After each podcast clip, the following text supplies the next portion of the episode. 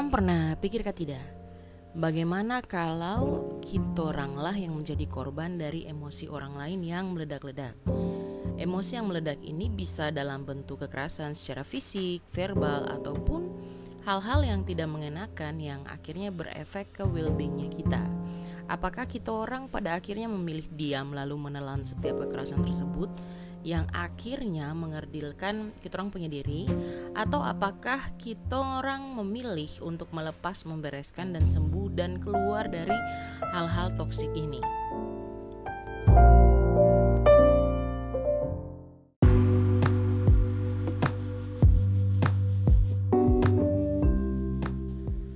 Halo teman-teman pendengar setia cerita seru Jenny Karai Ore, tidak sampai berbulan-bulan ya dan diriku sudah balik lagi ke pendengarannya teman-teman. Akhirnya jadi karena menemukan metode yang lebih simpel yang membuat produksi podcast ini lebih cepat dan tidak begitu mager. Makasih banget nih buat teman-teman yang mention bahkan sharing di sosial media tiap dengar podcast cerita seru Juni Karai. Karena sebenarnya kamu orang itu sudah yang buat jiwa kami ini sebagai kreator bisa bangkit dan terus menghasilkan karya. Kalau terhadap kamu orang, aduh podcast ini juga terakan sustain.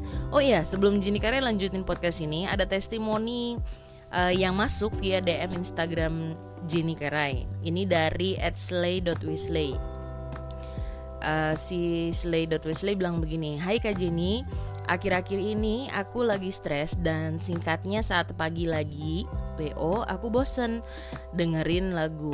Akhirnya aku cari-cari podcast dan sampai di mana aku nemu podcast kakak, aku langsung suka sampai aku dengerin satu-satu. Dan ada podcast yang nampar aku di episode Speak Up, di mana kata-kata akhir kakak diam itu tidak merubah apa pun. Jujur dari situ aku mulai sadar dan menyesal dari apa yang pernah terjadi di hidupku. Terima kasih buat Ed Slay Wesley buat testimoninya. Terus untuk teman-teman nih yang mau berbagi testimoninya silakan mengirimkan via DM Instagram ke @jenikarai. Saya bakal senang banget untuk membaca testimoninya teman-teman. Setuju sih aku sama Ed Slay Wesley ya. Kalau bosen itu enaknya denger podcast karena lebih berfaedah daripada scrolling platform sosmed. Jadinya makin bosan dan kurang produktif. Kan perhatikan ke tidak di Spotify sekarang tuh sudah ada sistem rating. So, Teman-teman, jangan lupa kalau teman-teman senang dengar podcast ini, jangan lupa untuk rating bintang 5 ya. Hmm, berbicara tentang episode kali ini ya, episode ke-52, Jenny Kara itu mengangkat cerita tentang jika aku menjadi korban. Kalau di episode sebelum Tong bahas tentang kita orang yang emosi meledak-ledak dan orang lain jadi korban toh, jadi kita orang yang jadi pelaku gitu. Nah sekarang dibalik, kalau situasinya kebalik kita orang yang menjadi korban karena emosi orang yang meledak-ledak, kira-kira apa ya yang harus kita orang lakukan ya? Episode ini tuh terinspirasi dari saya punya teman yang saya temui 4 tahun yang lalu. Waktu saya lagi liburan ke Jayapura, saya tuh ketemu sama saya punya teman ini. Dia perempuan yang mapan, punya kedai dari keluarga berada, tidak berkekurangan dan mandiri, punya rumah pribadi dan kendaraan. Nah, waktu saya ketemu dia, itu bibir sebelah kanannya pecah, bengkak sampai membiru. Siku kirinya lecet, lututnya juga ada memar yang besar gitu. Jadi kulihat ini bukan memar cuma jatuh, tidak mungkin gitu. Terus di bagian pelipisnya itu juga pecah dan masih tertutup perban. Waktu itu saya memang dengar kabar kalau dia tuh pacaran dengan seorang pria yang diriku juga kenal gitu. Singkatnya dia cerita kalau pacarnya ini tuh cemburu. Dan cemburunya tuh cemburu buta gitu dan mereka tuh mulai bertengkar. Si pria lalu melakukan kekerasan. Dan pria ini tipikal yang kalau sudah emosi tidak ada kata maaf. Pokoknya harus dilampiaskan sampai puas deh. Nah itu kejadian itu bikin sampai mobil si cewek itu tuh bahkan dijadikan jaminan karena si cowok punya hutang sama orang lain. Dan saya waktu ketemu dan saya dengar dia punya cerita hmm, saya shock. Dan terdiam tidak bisa berkata apa-apa. Dalam hati tuh saya bertanya-tanya kenapa ya bisa ini perempuan yang which is mapan mandiri tidak ada kurangnya mau digini-giniin sama pacarnya yang bahkan mereka berdua tuh belum nikah gitu. Saya akhirnya memberanikan diri tanya sama dia kenapa sih kok masih mau bertahan sama dia? Yang sudah buat kok sampai bonyok seperti ini. Bahkan kok punya mobil itu dijadikan jaminan. Dia tuh jawab begini teman-teman. E, Jen saya punya tugas adalah berdoa dan sabar. Pasti nanti dia akan berubah. Dan dia punya jawaban itu dibenarkan sama beberapa saya punya teman yang juga dulu kena KDRT jadi macam dong saling menguatkan begitu. Pas dengar dia jawaban sehati makin resah karena macam ah mau bilang ke dia tuh bahwa kok jawaban tuh terlalu kudus gitu loh. You are not missionary gitu. Tapi macam tidak tepat posisinya. Dan cuma karena saya menghargai saya punya teman ini ya sudah saya cuma senyum dan saya melanjutkan hari itu dengan jalan-jalan sama dia singkat cerita nih tiga tahun kemudian waktu saya balik ke Jayapura saya secara tidak sengaja ketemu sama dia di dia punya kedai Terus saya tanya bagaimana kabar karena saya lihat dia punya muka udah ceria terus sudah tidak ada memar-memar lagi. Terus saya sebut dia punya pacar punya nama. Dia langsung senyum terus dia bilang gini, "Ah, saya sudah ada hubungan sama dia." Sambil dia senyum gitu. Tong sepisah tahun lalu. Saya terlalu buang-buang waktu sama dia. Waktu dia bilang gitu sama macam langsung rasa lega gitu karena akhirnya dia dapat hidayah alias revelation atau dia dapat insight kalau memang dia tuh layak untuk dapat yang lebih baik dari kejadian itu ya teman-teman saya belajar bahwa tidak semua kekerasan itu akan berakhir dengan si pelaku itu bertobat. Alasan klasik kenapa banyak yang tidak ingin keluar dari hubungan toksik itu karena merasa belum tentu dong akan ketemu yang lebih baik dan bisa menerima dorang seutuhnya. Tidak mau untuk memulai kembali kenal orang tuh dari nol dan membangun brick by brick untuk punya relasi yang baru. Ada juga yang beranggapan bahwa pukul itu tanda sayang. Hmm, come on. Wake up people. Itu nggak benar dan disayangkan banget gitu ya. Sampai dapat tumbuh gitu. Uh, itu tuh cinta gitu. Banyak banyak banget. Saya punya teman-teman mau yang cantik mau yang ganteng. Dong punya pemikiran kayak gitu sampai saya really? Siapa pun kok yang lagi dengar podcast ini ya percayalah you deserve to be loved with the right way mau ku perawan ke tidak mau ku miskin ke kaya ku mapan atau masih otw memapankan diri all of you deserve to be loved with the right way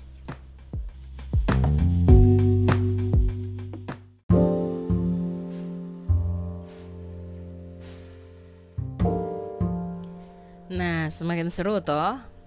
Biasanya tuh orang tuh berandai-andai hal yang baik, kecenderungannya.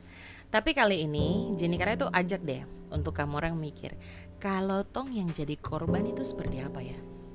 Kalau Tong punya posisi bukanlah pelaku melainkan korban, apa sih yang bisa kita orang ini lakukan waktu menghadapinya? Ada beberapa hal yang uh, Jini Karai perlu teman-teman lakukan ketika ini terjadi. Ya, saya tidak berdoa ya bahwa ini kejadian, tapi just in case kalau ini terjadi, teman-teman harus ingat empat hal yang Jini Karai mau ceritakan sama teman-teman. Yang pertama, setting boundaries. Cobalah berjaga jarak sesaat dengan pelaku. Bila memang tidak memungkinkan untuk berjarak secara fisik, setidaknya batasi dulu nih komunikasi. Kadang orang yang lagi emosi tinggi dibalas atau digasin gitu ya. Kita tuh e, balas lagi marah itu pasti dia tidak akan mereda gitu. Malah makin menjadi-jadi. Nah, teman-teman berikanlah jeda agar orang tersebut tuh bisa menyadari bahwa ada yang salah nih sampai kita orang itu berubah dalam sikap maupun intensitas kita orang berkomunikasi. Yang kedua, berhenti deh menyalahkan diri sendiri dan berusaha memperbaiki orang lain alias stop blaming yourself and try to fix them. You are not Jesus, you are not Muhammad, you are not Buddha? Okay? So don't you dare to try to fix them. Entah ini saya sudah tahu seberapa banyak kejadian saya ketemu dengan orang-orang yang begitu nyaman dalam tanda kutip menjadi korban karena merasa bisa merubah orang yang menyakiti mereka gitu loh. Padahal kita tuh teman-teman bukan juru selamat gitu loh, boro-boro memperbaiki orang lain. Mendingan perbaiki diri dulu deh. Menyalahkan diri juga berlarut-larut itu hanya akan mengaburkan kita orang punya pemikiran tentang permasalahan yang terjadi. Jadinya kita orang tuh bukan fokus ke solusi, tapi fokus mengasihani diri terus-menerus tanpa menemukan solusi. Padahal bisa jadi sebenarnya solusinya tuh ada di kita orang punya tangan. Tapi karena sibuk menyalahkan diri, kita jadi tidak bisa nih menemukan solusinya dan menganggap bahwa normal-normal aja deh. Kalau saya tuh jadi korban kekerasan emosinya orang lain. Karena saya tuh layak dapatkan hal itu. Hmm, itu teman-teman harus hati-hati kalau sudah punya pemikiran seperti itu. Yang ketiga pertanyakan apa yang normal coba deh bertanya kepada diri sendiri normalkah pasanganmu atau keluargamu atau temanmu atau bestimu itu bentak-bentak kamu? Kalau sekali dua kali ketika mungkin mereka lagi dalam kondisi tidak begitu baik oke okay lah ya kita bisa mengerti.